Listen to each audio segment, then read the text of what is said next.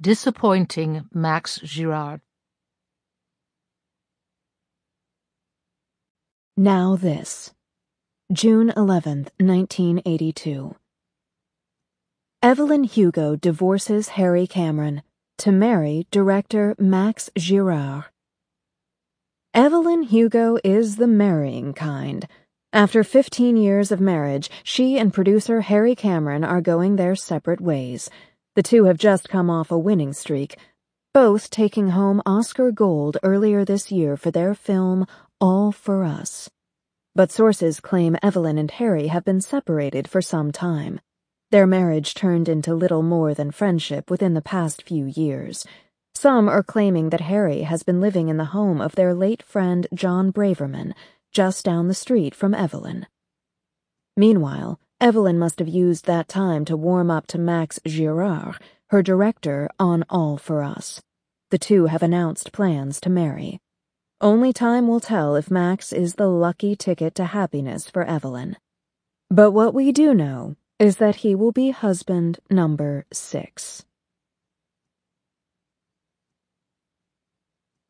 Max and I got married in Joshua Tree with Connor, Harry, and Max's brother Luke. Max had originally suggested Saint-Tropez or Barcelona for our wedding and honeymoon, but both of us had just finished movies shooting in Los Angeles, and I thought it sounded nice, just a small group of us in the desert. I dispensed with white, having long ago stopped feigning innocence. Instead, I wore an ocean blue maxi dress, my blonde hair feathered ever so slightly. I was forty-four. Connor wore a flower in her hair, Harry stood next to her in dress pants and a button-down. Max, my groom, wore white linen. We joked that it was his first wedding, so he should be the one to wear white. That evening, Harry and Connor flew back to New York. Luke flew back to his home in Lyon. Max and I stayed in a cabin, a rare night alone. We made love on the bed, on the desk, and in the middle of the night on the porch underneath the stars. In the morning, we ate grapefruit and played cards. We flipped channels on the television. We laughed. We talked about movies we loved, movies we'd shot, movies we wanted to make. Max said he had an idea for an action movie starring me. I told him I wasn't sure I was fit to be an action hero. I'm in my forties, Max, I said. We were walking in the desert, the sun beating down on us, I had forgotten the water in the cabin. You are ageless, he said to me, kicking up sand as we went. You can do anything. You are Evelyn Hugo. I'm Evelyn, I told him. I stopped in place. I grabbed his hand. You don't always need to call me Evelyn Hugo. But that is who you are, he said. You are the Evelyn Hugo. You are extraordinary. I smiled and kissed him. I was so relieved to feel loved, to feel love. I was so exhilarated by wanting to be with someone again. I thought Celia would never come back to me, but Max, he was right there. He was mine. When we got back to the cabin, the two of us were sunburned and parched. I made us peanut butter and jelly for dinner, and we sat in bed and watched the news. It felt so peaceful. Nothing to prove, nothing to hide. We went to sleep with Max cradling me. I could feel his heartbeat against my back. But the next morning when I woke up and my hair was out of place and my breath smelled, I looked over at him, expecting to see a smile on his face. Instead, he looked stoic, as if he had been staring at the ceiling for hours. What's on your mind? I said. Nothing. His chest hair was graying. I thought it made him look regal. What is it? I said. You can tell me. He turned and looked at me. I fixed my hair, feeling somewhat embarrassed at how unkempt I looked. He looked back up at the ceiling. This is not how I imagined it. What did you imagine? You, he said. I imagined the glory of a life with you. And now you don't? No, that's not it, he said, shaking his head. Can I be honest? I think I hate the desert. There's too much sun and no good food, and why are we here? We are city people, my love. We should go home. I laughed, relieved that it wasn't anything more.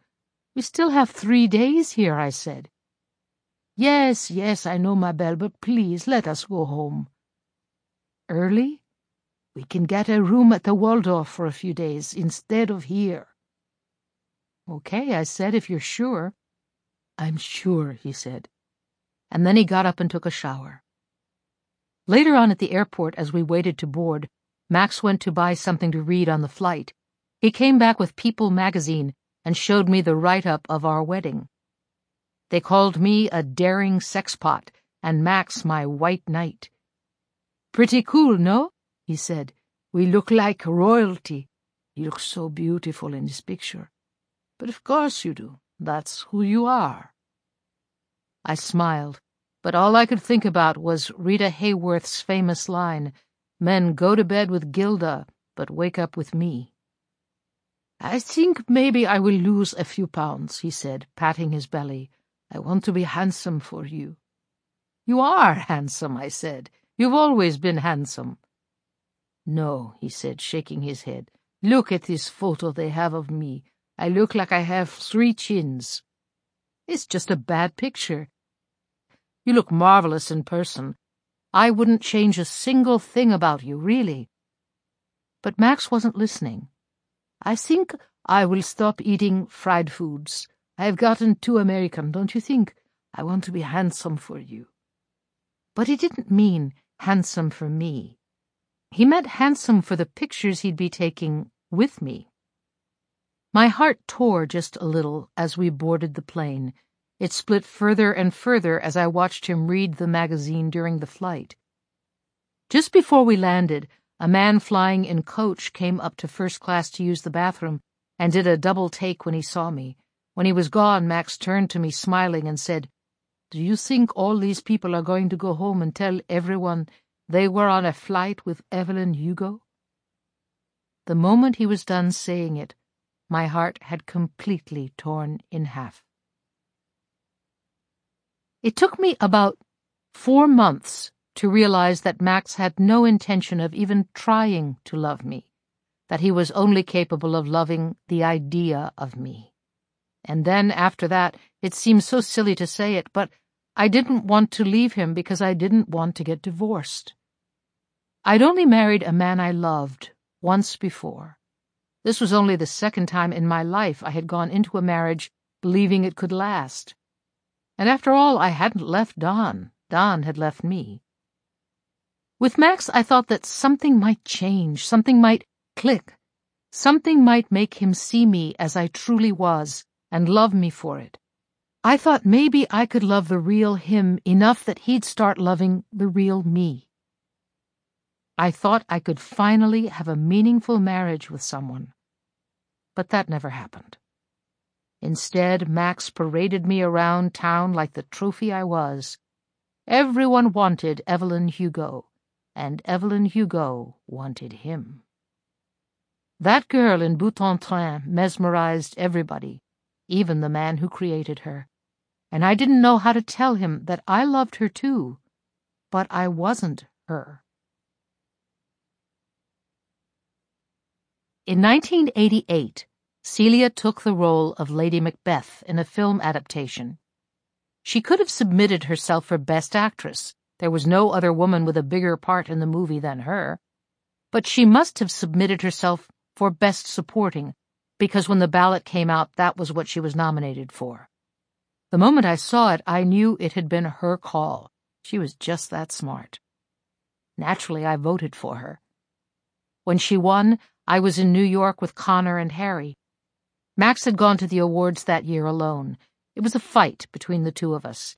He wanted me with him, but I wanted to spend the evening with my family, not in a control slip and six-inch heels. Also, if I'm being entirely frank, I was fifty years old. There was an entire new generation of actresses to compete with. They were all gorgeous, with smooth skin and shiny hair. When you are known for being gorgeous, you cannot imagine suffering a fate worse than standing next to someone and falling short.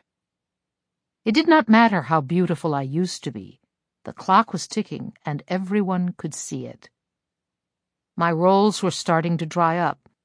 The parts I was being offered were the mothers of the great roles being offered to women literally half my age.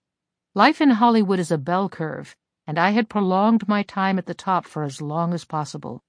I'd lasted longer than most, but I had come around the corner now, and they were all but putting me out to pasture. So no, I did not want to go to the Academy Awards. Instead of flying to LA and spending the day in a makeup chair and then sucking in and standing up straight in front of hundreds of cameras and millions of eyes, I spent the day with my daughter. Louisa was on vacation, and we had not found someone we liked to step in for her, so Connor and I spent the day making a game out of cleaning the house. We made dinner together. Afterward, we popped some popcorn and sat down with Harry to watch as Celia won. Celia was wearing a yellow silk dress with a ruffled edge. Her red hair, now shorter, was pulled back in a chignon. She was older, certainly, but never more breathtaking.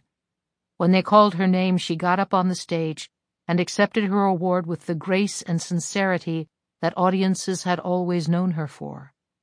And just as she was about to leave the microphone, she said, And to anyone tempted to kiss the TV tonight, please don't chip your tooth. Mom, why are you crying? Connor asked. I put my hand to my face and realized that I had teared up. Harry smiled at me and rubbed my back. You should call her, he said. It's never a bad idea to bury hatchets. Instead, I wrote a letter. My dearest Celia, Congratulations. You absolutely deserve it. There is no doubt you are the most talented actress of our generation. I wish for nothing more than your complete and total happiness. I did not kiss the TV this time, but I did cheer just as loudly as I did the other times. All my love, Edward, no, Evelyn. I sent it with the peace of sending off a message in a bottle, which is to say that I expected no response. But a week later, there it was. A small, square, cream-colored envelope addressed to me. My dearest Evelyn, reading your letter felt like gasping for air after being trapped under water. I hope you will forgive me for being so blunt, but how did we make such a mess of it all? And what does it mean that we have not spoken in a decade, but I still hear your voice in my head every day? XO Celia. My dearest Celia, I own all of our missteps. I was selfish and short-sighted. I can only hope that you have found bliss somewhere else. You deserve so much happiness, and I am sorry I could not give that to you. Love, Evelyn. My dearest Evelyn, you are dealing in revisionist history. I was insecure and petty and naive. I blamed you for the things you did to keep our secrets. But the truth is, each time you stopped the outside world from coming into our life, I felt immense relief. And all my happiest moments were orchestrated by you. I never gave you enough credit for that. We were both to blame, but you were the only one to ever apologize. Please let me rectify that now. I'm sorry, Evelyn. Love, Celia. P.S. I watched 3 a.m. some months ago. It is a bold, brave, important film. I would have been wrong to stand in the way of it. You have always been so much more talented than I ever gave you credit for. My dearest Celia, do you think lovers can ever be friends? I hate to think of the years we have left in this life wasted by continuing not to speak. Love, Evelyn. My dearest Evelyn, is Max like Harry?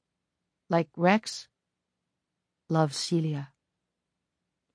My dearest Celia, I am sorry to say that no, he's not. He is different. But I am desperate to see you. Can we meet? Love, Evelyn. My dearest Evelyn, to be frank, that news breaks me. I do not know if I could bear seeing you, given those circumstances. Love, Celia. My dear Celia, I have called you many times in the past week, but you have not returned my calls. I'll try again. Please, Celia. Please. Love, Evelyn. Hello? Her voice sounded exactly like it used to. Sweet, but somehow firm. It's me, I said. Hi. The way she warmed up in that moment made me hopeful that I might be able to put my life back together the way it should have always been. I did love him, I said, Max, but I don't anymore. The line was quiet. Then she asked, What are you saying? I'm saying I'd like to see you. I can't see you, Evelyn. Yes, you can. What do you want us to do? she said. Ruin each other all over again? Do you still love me? I asked. She was silent. I still love you, Celia. I swear I do. I. I don't think we should talk about this. Not if. Not if what? Nothing has changed, Evelyn. Everything has changed. People still can't know who we really are. Elton John is out of the closet, I said. Has been for years. Elton John doesn't have a child and a career based on audiences believing he's a straight man. You're saying we'll lose our jobs. I can't believe I have to tell you this, she said. Well, let me tell you something that has changed, I told her. I no longer care. I'm ready to give it all up. You can't be serious. I'm absolutely serious. Evelyn, we haven't even seen each other in years. I know you were able to forget me, I said. I know you were with Joan. I'm sure you were with others. I waited, hoping she would correct me, hoping she would tell me there had been no one else, but she didn't. And so I continued. But can you honestly say that you stopped loving me? Of course not. And I can't say that either. I have loved you every single day. You married someone else. I married him because he helped me forget you, I said, not because I stopped loving you. I heard Celia breathe deeply. I'll come to L.A., I said, and you and I will have dinner, okay? Dinner? she said. Just dinner. We have things to talk about. I think we at least owe each other a nice long talk. How about the week after next? Harry can watch Connor, I can stay for a few days. Celia was quiet again. I could tell she was thinking. I got the impression that this was a deciding moment for my future, our future. Okay, she said. Dinner. The morning I left for the airport, Max slept in late. He was supposed to be on set later in the afternoon for a night shoot, so I squeezed his hand goodbye and then grabbed my things from the closet. I couldn't decide if I wanted to take Celia's letters with me or not. I had kept them all, with their envelopes, in a box at the back of my closet. Over the past few days, as I was gathering what I would take, I packed them and then unpacked them, trying to decide. I had been rereading them every day since Celia and I started talking. I didn't want to be apart from them. I liked to run my fingers over the words, feeling the way the pen had embossed the paper. I liked hearing her voice in my head, but I was flying to see her, so I decided I didn't need them.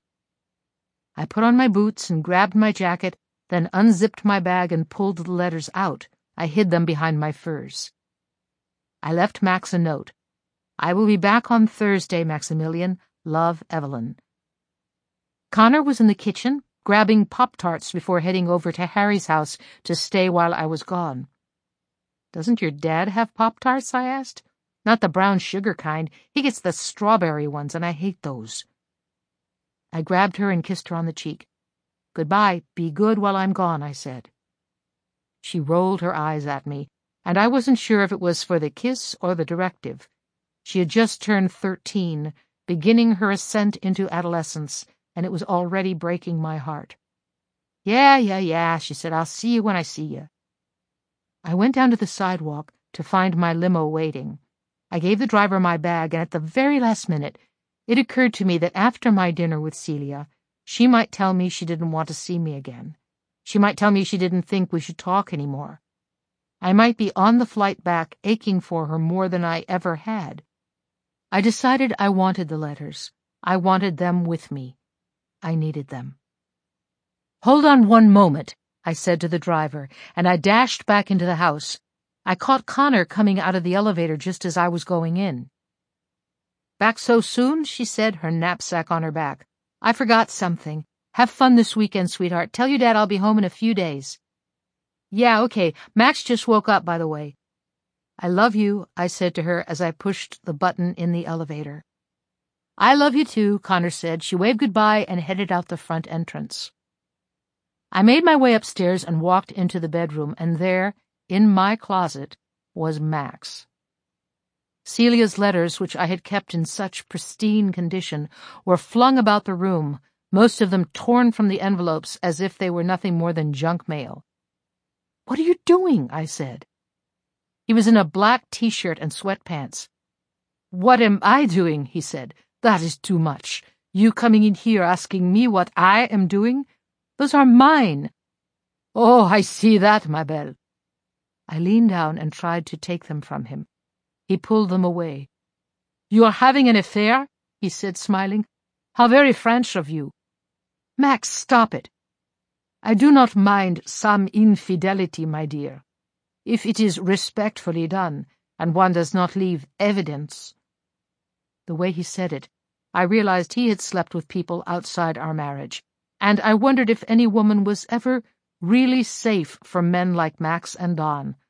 I thought of how many women out there thought they could prevent their husbands from cheating if only they were as gorgeous as Evelyn Hugo, but it never stopped any man I loved. I am not cheating on you, Max. So would you cut it out? Maybe you are not, he said. I suppose I can believe that. But what I can't believe is that you are a dyke. I closed my eyes, my anger burning so hot inside me that I needed to check out of the world, to momentarily gather myself in my own body. I am not a dyke, I said. These letters beg to differ. Those letters are none of your business. Maybe, Max said. If these letters are just Celia St. James talking to you about her feelings for you in the past, then I am in the wrong here. And I will put them away right now, and I will apologize to you immediately. Good. I said if. He stood up and came closer to me. It is a big if. If these letters were sent leading up to you deciding to visit Los Angeles today, then I am angry because you are playing me for a fool. I really do think that if I told him I had absolutely no intention of seeing Celia in Los Angeles, if I really sold it well, he would have backed off. He might have even said he was sorry and driven me to the airport himself. And that was my gut instinct to lie to hide, to cover up what I was doing and who I was. But just as I opened my mouth to feed him a line, something else came out. I was going to see her. You're right. You were going to cheat on me? I was going to leave you, I said. I think you know that. I think you've known that for some time. I am going to leave you. If not for her, for me. For her? he said. I love her. I always have. Max looked floored, as if he had been pushing me in this game, assuming I'd forfeit. He shook his head in disbelief. Wow, he said. Incredible. I married a dyke. Stop saying that, I said. Evelyn, if you have sex with women, you are a lesbian. Don't be a self-hating lesbian. That's not, that's not becoming. I don't care what you think is becoming. I don't hate lesbians at all. I'm in love with one. But I loved you too. Oh, please, he said. Please don't try to make me any more of a fool than you already have. I have spent years loving you, only to find it meant nothing to you. You didn't love me for one goddamn day, I said. You loved having a movie star on your arm. You loved getting to be the one who slept in my bed. That's not love. That's possession. I have no idea what you're talking about, he said. Of course you don't, I said, because you don't know the difference between the two. Did you ever love me? Yes, I did. When you made love to me, and you made me feel desire, and you took good care of my daughter, and I believed that you saw something in me that no one else saw. When I believed you had an insight and a talent that no one else had. I loved you very much. So you are not a lesbian, he said. I don't want to discuss this with you. Well, you're going to. You have to. No, I said, gathering the letters and envelopes and shoving them into my pockets. I don't. Yes, he said, blocking the door. You do. Max, get out of my way. I'm leaving. Not to see her, he said. You can't. Of course I can. The phone started ringing, but I was too far away to answer it. I knew it was the driver. I knew that if I didn't leave, I might miss my flight. There would be other flights, but I wanted to catch that one. I wanted to get to Celia as soon as possible. Evelyn, stop, Max said. Think about this. It makes no sense. You can't leave me. I could make one phone call and destroy you. I could tell anyone, anyone at all, about this, and your life would never be the same. He wasn't threatening me. He was simply explaining to me what was so clearly obvious. It was as if he was saying, Honey, you're not thinking clearly. That won't end well for you. You're a good man, Max, I said. I can see you being angry enough to try to hurt me, but I've known you to at least try to do the right thing most of the time. And what if this time I don't? he said and there finally was the threat. I'm leaving you, Max. It either happens now or it happens later, but it's happening sometime. If you decide you want to try to bring me down over it, then I guess that's just what you'll have to do. When he wouldn't move, I shoved him out of the way and walked right past him out the door. The love of my life was waiting, and I was going to go get her back. When I got to Spago, Celia was already seated. She was wearing black slacks and a gauzy, cream-colored sleeveless blouse. The temperature outside was a warm 78 degrees, but the restaurant's air conditioning was on high, and she looked just a little bit cold. Her arms were covered in goosebumps. Her red hair was still stunning, but now clearly dyed. The golden undertones that had been there before, the result of nature and sunlight, were now slightly saturated, coppery. Her blue eyes were just as enticing as they always had been, but now the skin around them was softer. I'd been to a plastic surgeon a few times in the past several years. I suspected she had too. I was wearing a deep V-necked black dress, belted at the waist. My blonde hair, a bit lighter now from the gray that had been creeping in and cut shorter, was framing my face. She stood when she saw me. Evelyn, she said. I hugged her. Celia. You look great, she said. You always do. You look just like you did the last time I saw you, I said. We never did tell each other lies, she said, smiling. Let's not start now. You're gorgeous, I said. Ditto. I ordered a glass of white wine. She ordered a club soda with lime. I don't drink any more, Celia said. It's not sitting with me the way it once did. That's fine. If you want, I can toss my wine right out the window the moment it gets to the table. No, she said, laughing. Why should my low tolerance be your problem? I want everything about you to be my problem, I said. Do you realize what you're saying? She whispered to me as she leaned across the table. The neck of her blouse opened and dipped into the breadbasket I was worried it would graze the butter, but somehow it didn't.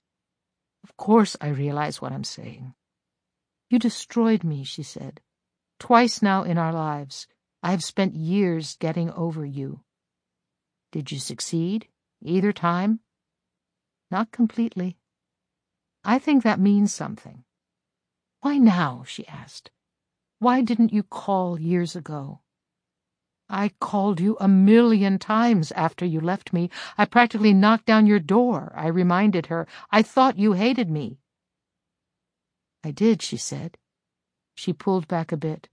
I still hate you, I think. At least a little bit. You think I don't hate you too? I tried to keep my voice down, tried to pretend it was a chat between two old friends. Just a little bit? Celia smiled. No, I suppose it would make sense that you do. But I'm not going to let that stop me, I said. She sighed and looked at her menu. I leaned in conspiratorially. I didn't think I had a shot before, I told her. After you left me, I thought the door was closed, and now it's open a crack, and I want to swing it wide open and walk in. What makes you think the door is open? she asked, looking at the left side of the menu. We are having dinner, aren't we? As friends, she said. You and I have never been friends. She closed her menu and put it down on the table. I need reading glasses, she said. Can you believe that? Reading glasses. Join the club. I can be mean sometimes when I'm hurt, she reminded me. You're not exactly telling me something I don't know. I made you feel like you weren't talented, she said. I tried to make you think you needed me because I made you legitimate. I know that. But you've always been legitimate. I know that now, too, I told her. I thought you would call me after you won the Oscar. I thought maybe you would want to show me, you'd want to shove it in my face. Did you listen to my speech? Of course I did, she said. I reached out to you, I said. I picked up a piece of bread and buttered it, but I put it down immediately, not taking a single bite. I wasn't sure, Celia said. I mean, I wasn't sure if you meant me. I all but said your name. You said she. Precisely. I thought maybe you had another she. I had looked at other women besides Celia. I had pictured myself with other women besides her. But everyone for what had felt like my whole life, had always been divided into Celia and not Celia. Every other woman I considered striking up a conversation with might as well have had not Celia stamped on her forehead. If I was going to risk my career and everything I loved for a woman, it was going to be her. There is no she but you, I told her. Celia listened and closed her eyes, and then she spoke. It was as if she had tried to stop herself and simply couldn't. But there were he's. This old song and dance, I said, trying to stop myself from rolling my eyes. I was with Max. You were clearly with Joan. Did Joan hold a candle to me? No, Celia said. And Max didn't hold a candle to you. But you're still married to him. I'm filing papers. He's moving out. It's over. That's abrupt. It's not, actually. It's overdue. And anyway, he found your letters, I said. And he's leaving you? No, he's threatening to out me if I don't stay with him. What? I'm leaving him, I said, and I'm letting him do whatever the hell he wants because I'm 50 years old and I don't have the energy to be controlling every single thing anyone says about me until I die of old age. The parts I'm being offered are shit. I have the Oscar on my mantle. I have a spectacular daughter. I have Harry. I'm a household name. They will write about my movies for years to come. What more do I want? A gold statue in my honor? Celia laughed. That's what an Oscar is, she said. I laughed too. Exactly. Excellent point. I already have that then. There's nothing else, Celia. There are no more mountains to climb. I spent my life hiding so no one would knock me off the mountain. Well, you know what? I'm done hiding. Let them come and get me. They can throw me down a well as far as I'm concerned. I'm signed on to do one last movie over at Fox later this year, and then I'm done. You don't mean that. I do. Any other line of thinking it's how I lost you. I don't want to lose any more. It's not just our careers, she said. The ramifications are unpredictable. What if they take Connor away? Because I'm in love with a woman? Because they think both her parents are queers. I sipped my wine. I can't win with you, I said finally. If I want to hide, you call me a coward. If I'm tired of hiding, you tell me they'll take my daughter. I'm sorry, Celia said. She did not seem sorry for what she had said, so much as sorry that we lived in the world we lived in. Do you mean it? she asked. Would you really give it up? Yes, I said. Yes, I would. Are you absolutely sure? she asked, just as the waiter put her steak down in front of her and my salad in front of me. I mean, absolutely sure. Yes. Celia was quiet for a moment. She stared down at her plate. She seemed to be considering everything about this moment, and the longer she took to speak, the farther I found myself bending forward trying to get closer to her. I have chronic obstructive pulmonary disease, she said finally. I probably won't make it much past sixty. I stared at her. You're lying, I said. I'm not. Yes, you are. That can't be true. It is true. No, it's not, I said. It is, she said. She picked up her fork. She sipped the water in front of her. My mind was reeling, thoughts bouncing around my brain, my heart spinning in my chest. And then Celia spoke again, and the only reason I was able to focus on her words was that I knew they were important. I knew they mattered. I think you should do your movie, she said. Finish strong, and then? And then after that, I think we should move to the coast of Spain. What? I have always liked the idea of spending the last years of my life on a beautiful beach, with the love of a good woman, she said. You're. you're dying? I can look into some locations in Spain while you're shooting. I'll find a place where Connor can get a great education. I'll sell my home here. I'll get a compound somewhere with enough space for Harry, too. And Robert. Your brother Robert? Celia nodded. He moved out here for business a few years ago. We've become close. He, he knows who I am. He supports me. What is chronic obstructive emphysema, more or less, she said, from smoking. Do you still smoke? You should stop right now. I shook my head, having long ago given it up. They have treatments to slow down the process. I can live a normal life for the most part for a while. And then what? And then eventually it will become difficult to be active, hard to breathe. When that happens, I won't have much time. All told, we're looking at Ten years, give or take, if I'm lucky. Ten years? You're only forty-nine. I know. I started crying. I couldn't help it. You're making a scene, she said. You have to stop. I can't, I said. Okay, she said, okay. She picked up her purse and threw down a hundred dollar bill. She pulled me out of my chair and we walked to the valet. She gave him her ticket. She put me in the front seat of the car. She drove me to her house. She sat me on the sofa. Can you handle this? she said. What do you mean? I asked her. Of course I can't handle it. If you can handle this, she said, then we can do this. We can be together. I think we can. We can spend the rest of our lives together, Evelyn, if you can handle this.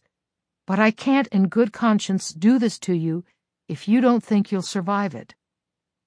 Survive what exactly? Losing me again. I don't want to let you love me if you don't think you can lose me again, one last time. I can't, of course I can't. But I want to anyway. I'm going to anyway. Yes, I said finally. I can survive it. I'd rather survive it than never feel it. Are you sure? she said. Yes, I said. Yes, I'm sure. I've never been more sure about anything. I love you, Celia. I've always loved you. and we should spend the rest of the time we have together.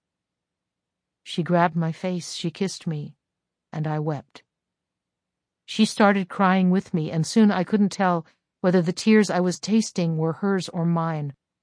All I knew was that I was once again in the arms of the woman I was always meant to love. Eventually, Celia's blouse was on the floor and my dress was hiked up around my thighs. I could feel her lips on my chest, her hands on my stomach.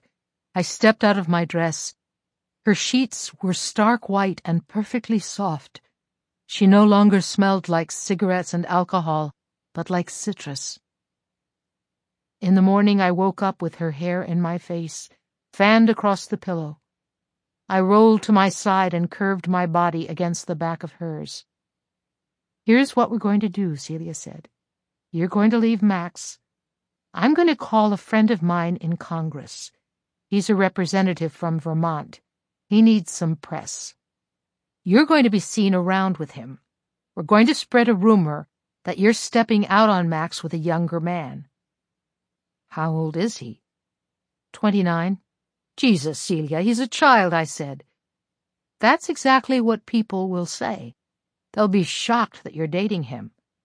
And when Max tries to slander me, it won't matter what he's trying to claim about you. It will look like he's just bitter.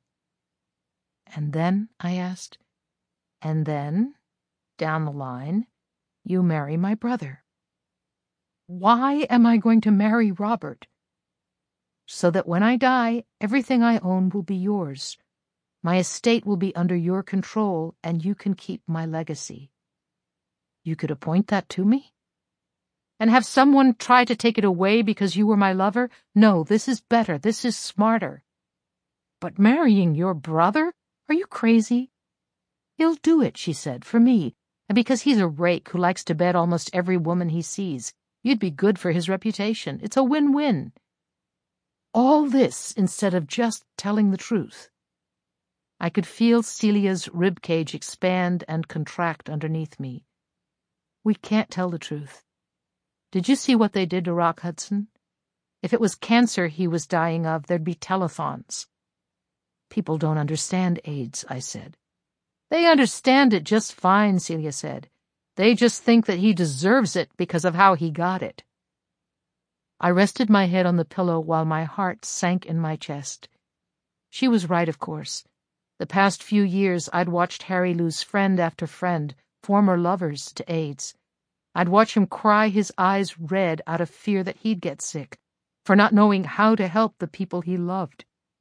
And I'd watched Ronald Reagan never so much as acknowledge what was happening in front of our eyes. I know things have changed since the 60s, she said, but they haven't changed that much. It wasn't that long ago that Reagan said gay rights weren't civil rights. You can't risk losing Connor. So I'll call Jack, my friend in the House of Representatives. We'll plant the story. You'll shoot your movie, you'll marry my brother, and we'll all move to Spain. I'll have to talk to Harry. Of course, she said, talk to Harry. If he hates Spain, we'll go to Germany or Scandinavia or Asia. I don't care.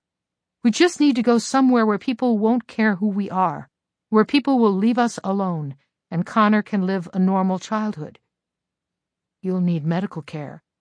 I'll fly where I need to, or we can bring people to me. I thought about it. It's a good plan. Yeah? Celia was flattered. I could tell. The student has become the master, I said. She laughed, and I kissed her. We're home, I said. This wasn't my home. We'd never lived here together before. But she knew what I meant. Yes, she said. We're home. Now this. July 1st, 1988. Evelyn Hugo and Max Girard divorce turns ugly amid reports of Hugo cheating. Evelyn Hugo is headed to divorce court one more time. She filed papers citing irreconcilable differences this week, and while she's an old hand at this, it looks like this one's gonna be a doozy. Sources say Max Girard is seeking spousal support and reports have surfaced claiming that Girard is bad-mouthing Hugo all over town. He's so angry he's saying just about anything he can to get back at her, an insider close to the former couple says. You name it, he's said it. She's a cheater. She's a lesbian. She owes him her Oscar. It's clear he's very heartbroken. Hugo was recently seen out with a much younger man last week. Jack Easton, a Democratic congressman from Vermont, is only 29 years old. That's more than two decades younger than Evelyn. And if the photos of their evening together out to dinner in Los Angeles are any indication, it looks like a blossoming romance. Hugo doesn't have a great track record, but in this case, it seems like one thing is clear. Girard's comments certainly sound like sour grapes. Harry wasn't on board. He was the one piece of the plan that wasn't up to me, the one person I wasn't willing to manipulate into doing what I wanted him to do. And he didn't want to leave everything behind and fly off to Europe. You're suggesting I retire, Harry said. And I'm not even sixty yet. My God, Evelyn, what on earth am I going to do all day? Play cards on the beach? That doesn't sound nice. It sounds nice for about an hour and a half, he said. He was drinking what looked like orange juice, but I suspected was a screwdriver. And then I'd be stuck trying to occupy myself for the rest of my life. We were sitting in my dressing room on the set of Teresa's Wisdom. Harry had found the script and sold it to Fox with me attached to play Teresa, a woman who is leaving her husband while desperately trying to keep her children together. It was the third day of shooting, and I was in costume, a white Chanel pantsuit and pearls, about to go on set to shoot the scene where Teresa and her husband announce that they are divorcing over Christmas dinner. Harry looked as handsome as ever in khaki slacks and an Oxford shirt. He had gone almost entirely gray by then, and I actively resented him for growing more attractive as he aged, while I had to watch my value disappear by the day like a molding lemon. Harry, don't you want to stop living this lie? What lie? he asked. I understand it's a lie for you because you want to make it work with Celia, and you know that I support that, I do. But this life isn't a lie for me. There are men, I said, my voice losing patience, as if Harry was trying to pull one over on me. Don't pretend there aren't men. Sure, but there is not a single man anyone could draw any sort of meaningful connection to, Harry said, because I have only loved John, and he's gone. I'm only famous because you're famous, Ev. They don't care about me or what I'm doing unless it somehow relates to you. Any men in my life, I see them for a few weeks and then they're gone. I'm not living a lie, I'm just living my life. I took a deep breath, trying not to get too worked up before having to go on set and pretend to be a repressed wasp. Don't you care that I have to hide? I do, he said. You know I do. Well, then, but why does your relationship with Celia mean that we should uproot Connor's life and mine? She's the love of my life, I said. You know that. I want to be with her. It's time for us all to be together again. We can't be together again, he said, putting his hand down on the table. Not all of us. And he walked away. Harry and I were flying home every weekend to be with Connor, and during the weeks we shot, I was with Celia, and he was, well, I didn't know where he was, but he seemed happy, so I didn't question it. I suspected in the back of my mind that he might have met someone who was capable of keeping his interest for more than a few days. So when Teresa's wisdom went three weeks over our shooting schedule because my co-star Ben Madley was hospitalized for exhaustion, I was torn. On the one hand, I wanted to go back to being with my daughter every night. On the other hand, Connor was growing more and more annoyed by me every day. She found her mother to be the very epitome of embarrassment. The fact that I was a world-renowned film star seemed to have absolutely no effect on just how big of an idiot Connor saw me to be. So I was often happier in L.A. with Celia than I was in New York, constantly rejected by my own flesh and blood. But I would have dropped it all in a heartbeat if I thought Connor might want even an evening of my time. The day after filming Wrapped, I was packing up some of my things and talking to Connor on the phone, making plans for the next day. Your father and I are getting on the red eye tonight, so I'll be there when you wake up in the morning, I told her. Okay, she said, cool. I thought we could go to breakfast at Channing's. Mom, no one goes to Channing's anymore. I hate to break it to you, but if I go to Channing's, Channing's will still be considered cool. This is exactly what I'm talking about when I say you're impossible. All I'm trying to do is take you to eat French toast, Connie. There are worse things. There was a knock on the door of the Hollywood Hills bungalow I'd rented. I opened it to see Harry. I gotta go, Mom, Connor said. Karen is coming over. Louisa's making us barbecue meatloaf, she said. Wait one second, I said. Your father is here. He wants to say hi to you. Goodbye, honey. I'll see you tomorrow. I handed Harry the phone. Hi, little bug. Well, she has a point. If your mother shows up somewhere, that does sort of mean that, by definition, it will be considered a hot spot. That's fine. That's fine. Tomorrow morning, the three of us will go out for breakfast, and we can go to whatever the cool new place is. It's called what? Whiffles. What kind of a name is that? Okay, okay, we'll go to Whiffles. All right, honey, good night. I love you. I'll see you tomorrow. Harry sat down on my bed and looked at me. Apparently, we are going to Whiffles. You're like putty in her hands, Harry, I said. He shrugged. I feel no shame in it. He stood up and poured himself a glass of water while I continued packing. Listen, I have an idea, he said. As he moved closer to me, I realized he smelled vaguely of liquor. About what? About Europe. Okay, I said. I had resigned to letting it go until Harry and I were settled back in New York. I assumed that then he and I would have the time and the patience to discuss it in more depth. I thought the idea was good for Connor. New York, as much as I loved it, had become a somewhat dangerous place to live. Crime rates were skyrocketing and drugs were everywhere. We were fairly protected from it on the Upper East Side, but I was still uncomfortable with the idea that Connor was growing up so close to so much chaos. And even more to the point, I was no longer sure that a life where her parents were practically bi-coastal and she was being cared for by Louisa when we were gone was the best thing for her. Yes, we'd be uprooting her, and I knew she'd hate me for making her say goodbye to her friends. But I also knew she would benefit from living in a small town. She'd be better off with a mother who could be around more. And to be frank, she was getting old enough to read gossip columns and watch entertainment news. Was turning on the television and seeing her mother's sixth divorce really the best thing for a child? I think I know what to do, Harry said. I sat down on the bed and he sat next to me. We move here.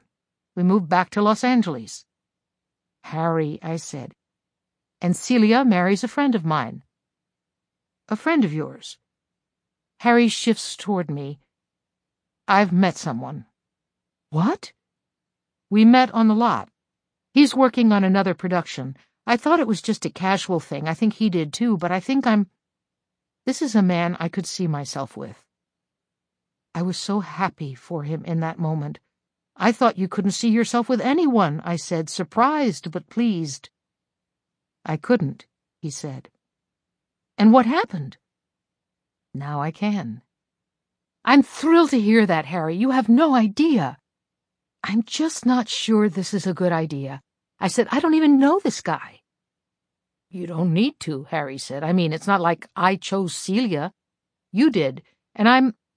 I think I'd like to choose him. I don't want to act any more, Harry, I said. All through shooting this last movie, I found myself burning out. I wanted to roll my eyes when asked to do a scene more than once, Hitting my marks felt like running a marathon I'd already run a thousand times before. So easy, so unchallenging, so uninspiring that you resent even being asked to lace up your shoes. Maybe if I was getting roles that excited me, maybe if I still felt I had something to prove, I don't know, maybe I would have reacted differently. There are so many women who continue to do incredible work well into their 80s or 90s.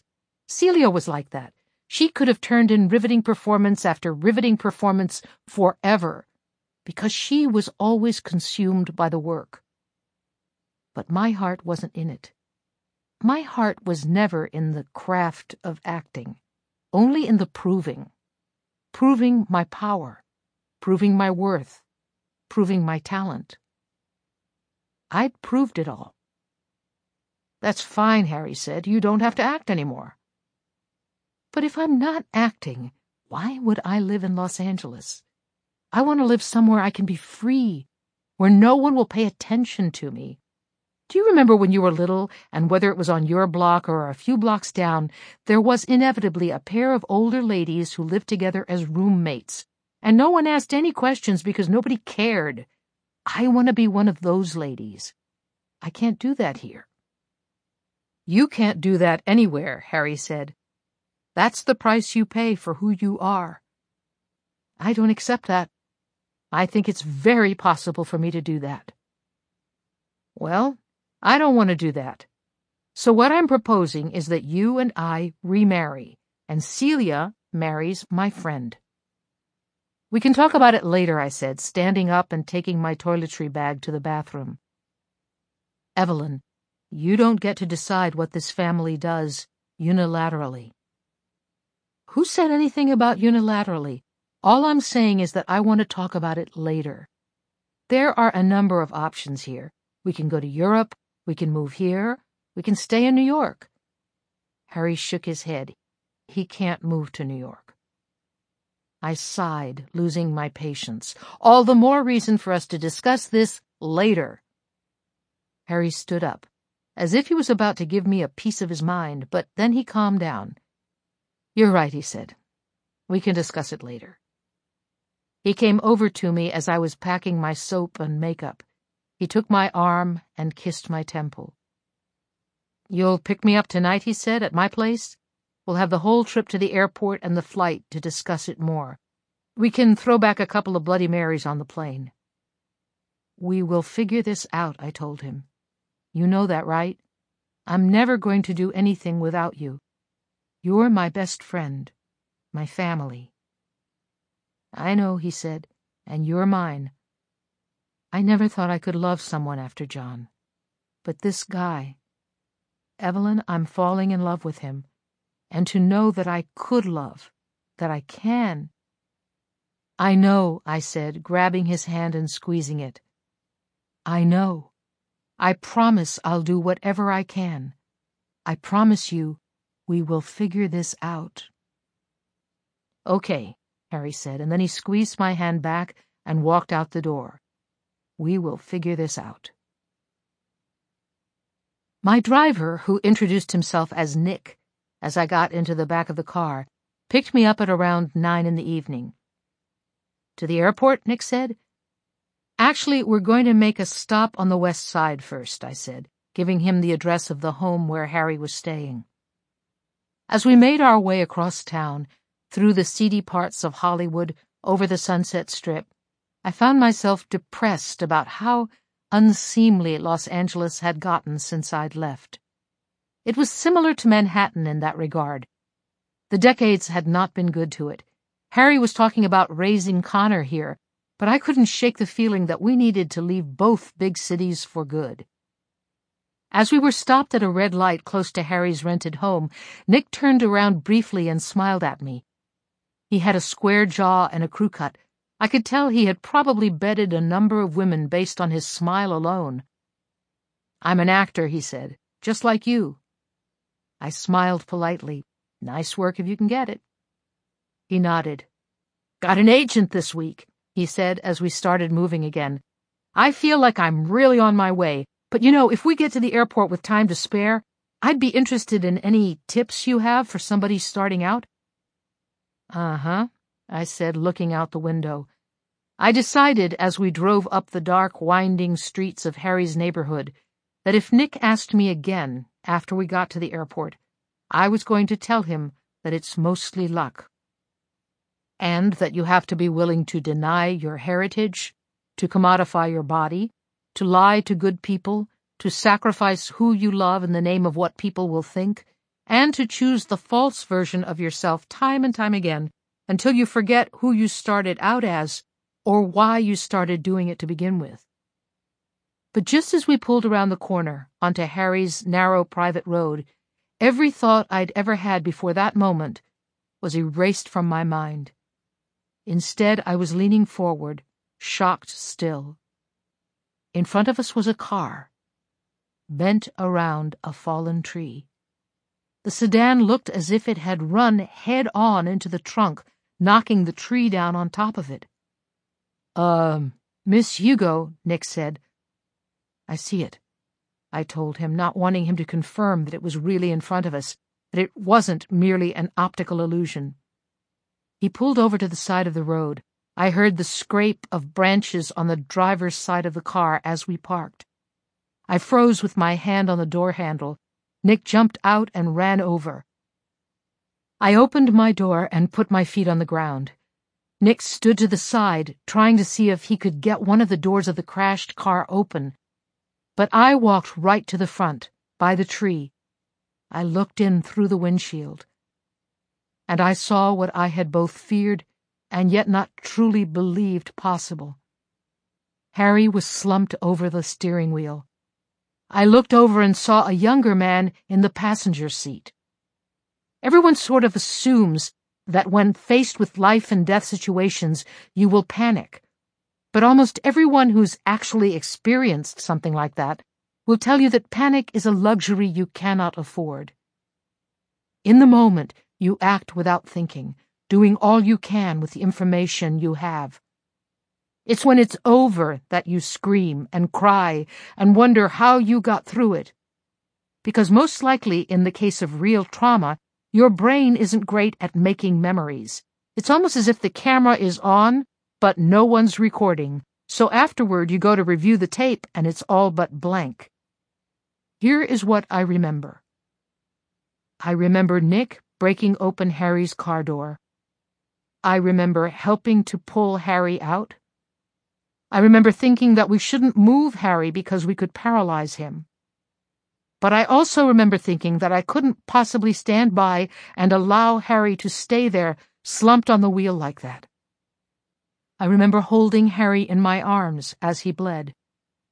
I remember the deep gash in his eyebrow, the way the blood coated half his face in thick rust red. I remember seeing the cut from where the seat belt had sliced the lower side of his neck.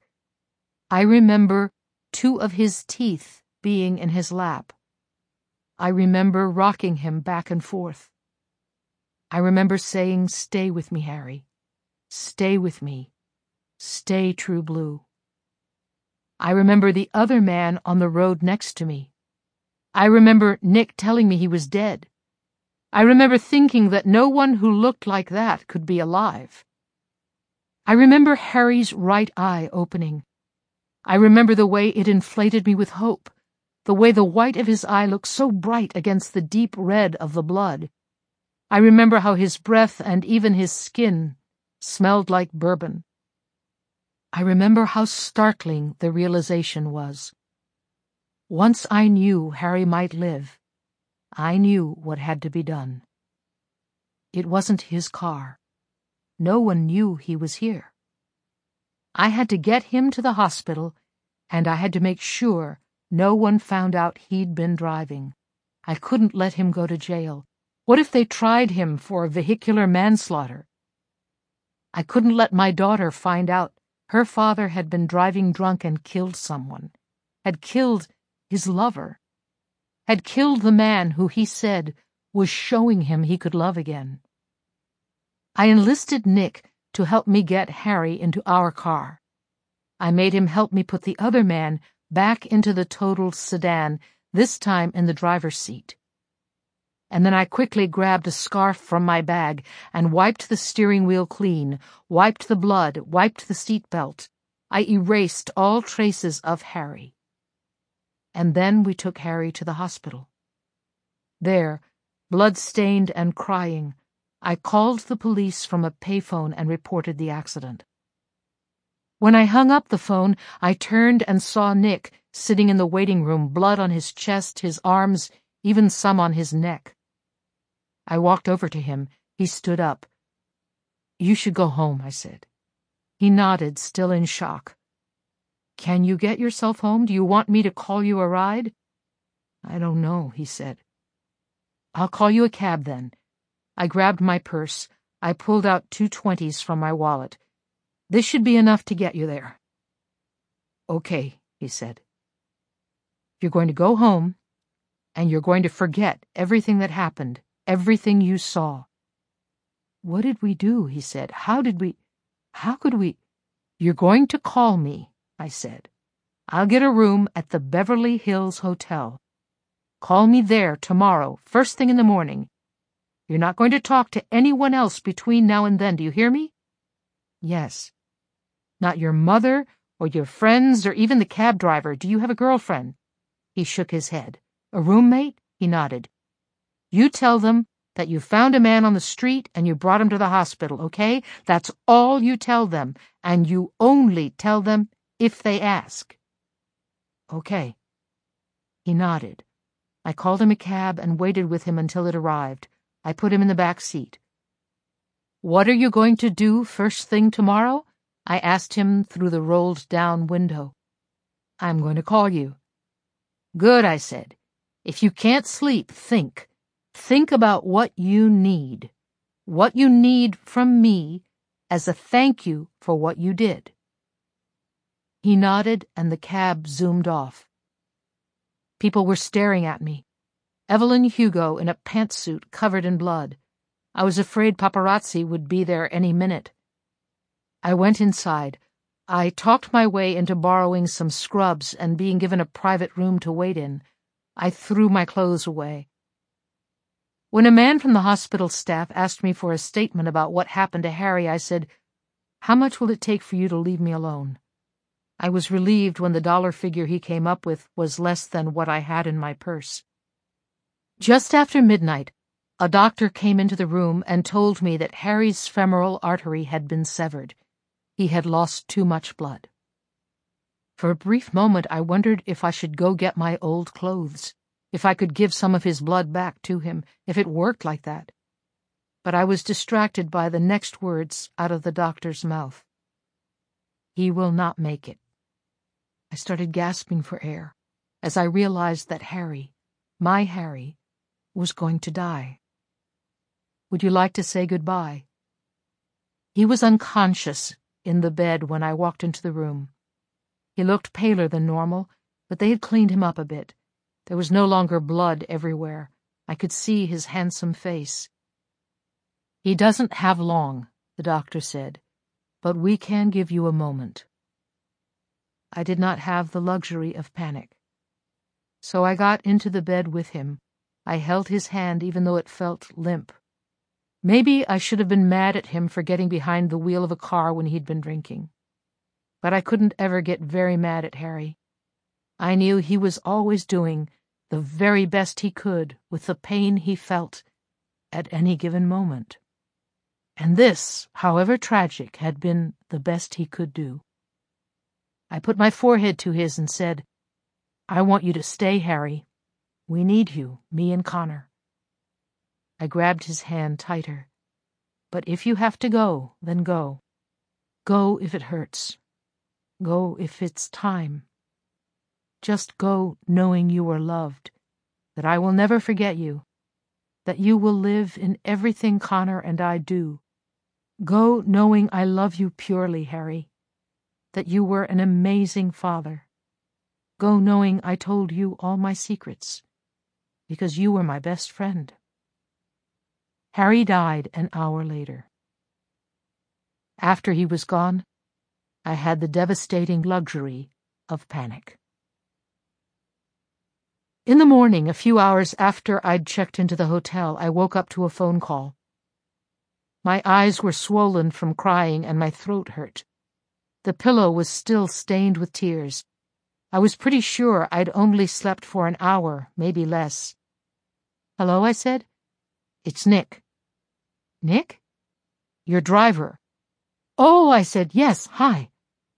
I know what I want, he said. His voice was confident. Its strength scared me. I felt so weak right then, but I knew it had been my idea for this call to happen. I had set up the nature of it. Tell me what you want to keep you quiet was what I had said without saying it. I want you to make me famous, he said. And when he did, the very last shred of affection I had for stardom drained out of me. Do you realize the full extent of what you're asking? I said. If you're a celebrity, last night will be dangerous for you too. That's not a problem, he said. I sighed, disappointed. Okay, I said, resigned. I can get you parts. The rest is up to you. That's fine. That's all I need. I asked him his agent's name and I got off the phone. I made two phone calls. One was to my own agent, telling him to poach Nick from his guy. The second was to a man with the highest grossing action movie in the country. It was about a police chief in his late fifties who defeats Russian spies on the day he's supposed to retire. Don, I said when he answered the phone. Evelyn, what can I do for you? I need you to hire a friend of mine in your next movie, the biggest part you can get him. Okay, he said, you got it. He did not ask me why. He did not ask me if I was okay. We had been through enough together for him to know better. I simply gave him Nick's name and I got off the phone.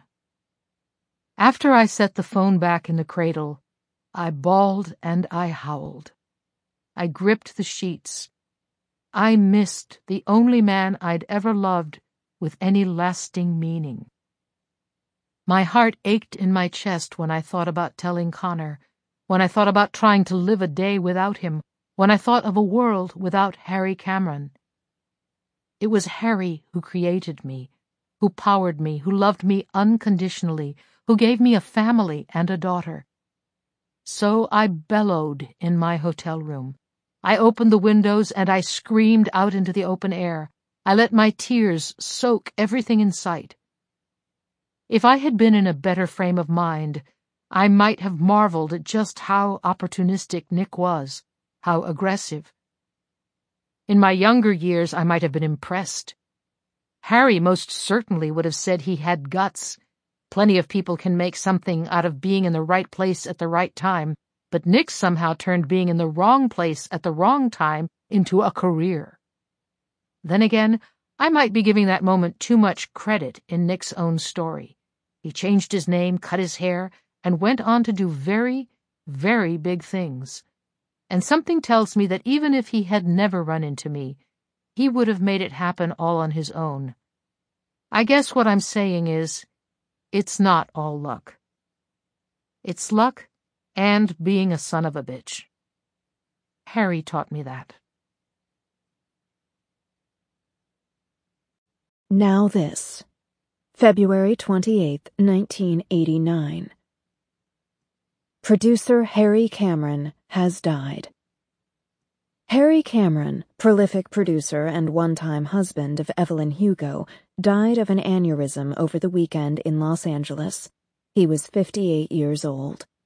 The independent producer, formerly a Sunset Studios mogul, was known for shepherding some of Hollywood's greatest films, including the 50s classics To Be With You and Little Women, and some of the most exciting films of the 60s, 70s, and 80s, such as 1981's All for Us.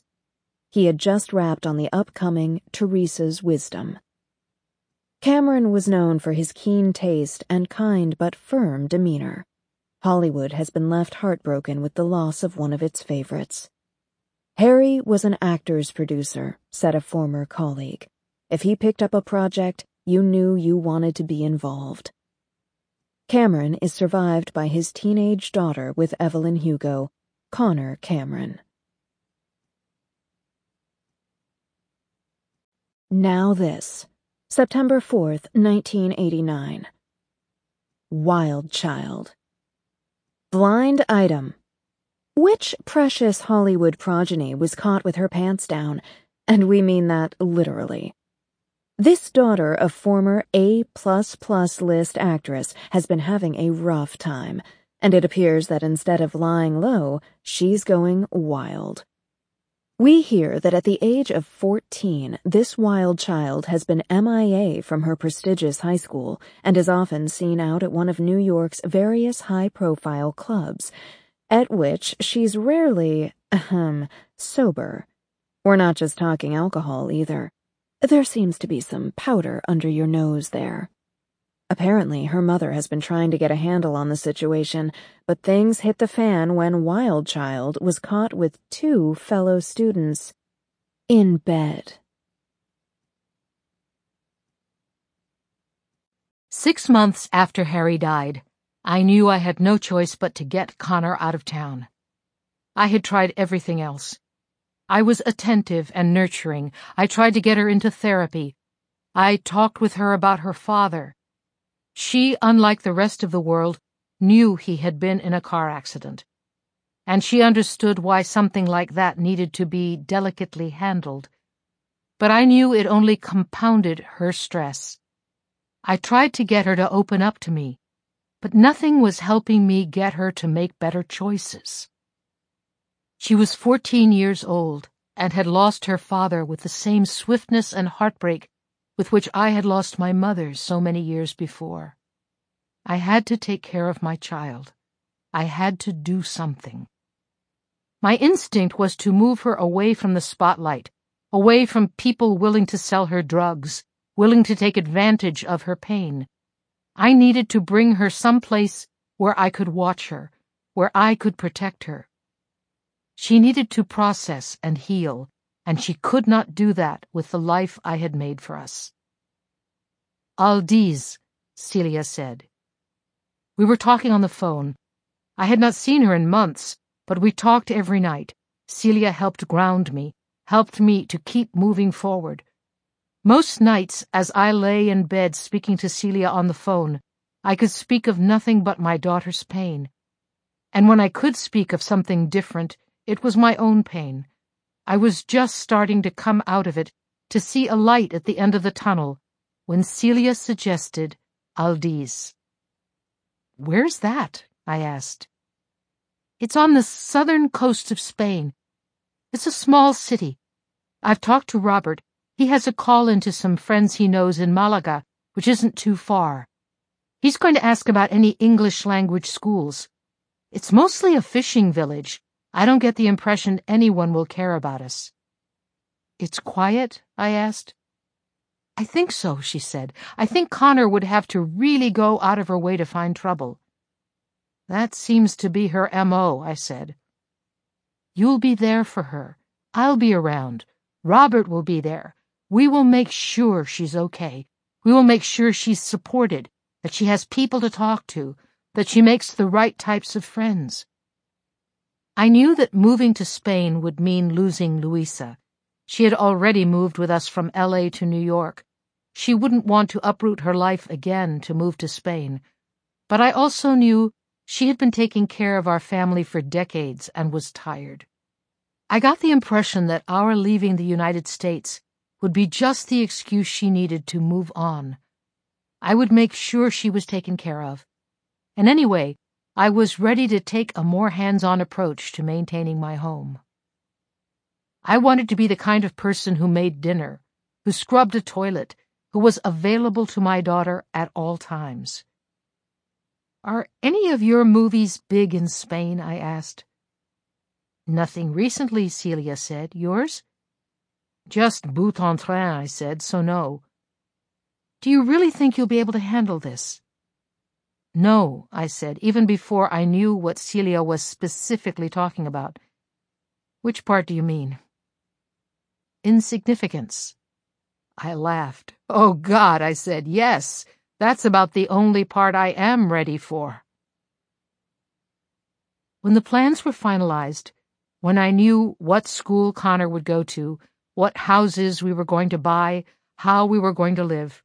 I walked into Connor's room and sat down on her bed. She was wearing a Duran Duran t-shirt and faded jeans. Her blonde hair was teased at the crown. She was still grounded from when I had caught her having a threesome, so she had no choice but to sit there with a sour face and listen as I spoke. I told her I was retiring from acting. I told her we were moving to Spain. I told her I thought she and I would be happier living with good people away from all the fame and the cameras. And then I very gently, very tentatively, told her that I was in love with Celia. I told her I was going to marry Robert, and I explained why, succinctly and clearly. I did not treat her like a child. I spoke to her as an adult. I finally gave her the truth. My truth. I did not tell her about Harry about how long I had been with Celia or anything that she didn't need to know. Those things would come in time. But I told her what she deserved to understand. And when I was done, I said, I'm ready to hear everything you have to say. I'm ready to answer any questions at all. Let's have a discussion about this. But all she did was shrug her shoulders. I don't care, Mom, she said, sitting on her bed with her back against the wall. I really don't. You can love whoever, marry anybody, you can make me live wherever, go to whatever school you decide. I don't care, okay? I just don't care. All I want is to be left alone, so just leave my room, please. If you can do that, then the rest of it, I don't care. I looked at her, stared right into her eyes, and ached for her aching with her blonde hair and her face thinning out, I was starting to fear that she looked more like me than Harry. Sure, conventionally speaking, she would be more attractive if she looked like me, but she should look like Harry. The world should give us that. All right, I said, I will leave you alone for now. I got up, I gave her some space. I packed up our things, I hired movers, I made plans with Celia and Robert. Two days before we left New York, I walked into her bedroom and said, I'll give you your freedom in Aldis. You can choose your own room. I'll make sure you can come back here to visit some of your friends. I'll do whatever I can to make life easier for you, but I need two things. What? she said. Her voice sounded disinterested, but she was looking at me, she was talking to me. Dinner together every night. Mom, I'm giving you a lot of leeway here, a lot of trust. All I'm asking for is two things. One is dinner every night. But it's non negotiable. You only have three more years until you're in college anyway. You can handle one meal a day. She looked away from me. Fine. What's the second? You're going to see a psychologist. At least for a little while. You've been through too much. We all have. You need to start talking to someone.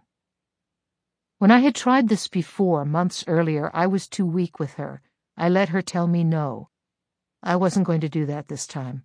I was stronger now. I could be a better mother.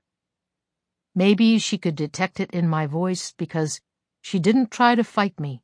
She just said, okay, whatever. I hugged her and kissed the top of her head and just when I was going to let go, she wrapped her arms around me and hugged me back. Evelyn's eyes are wet. They have been for some time.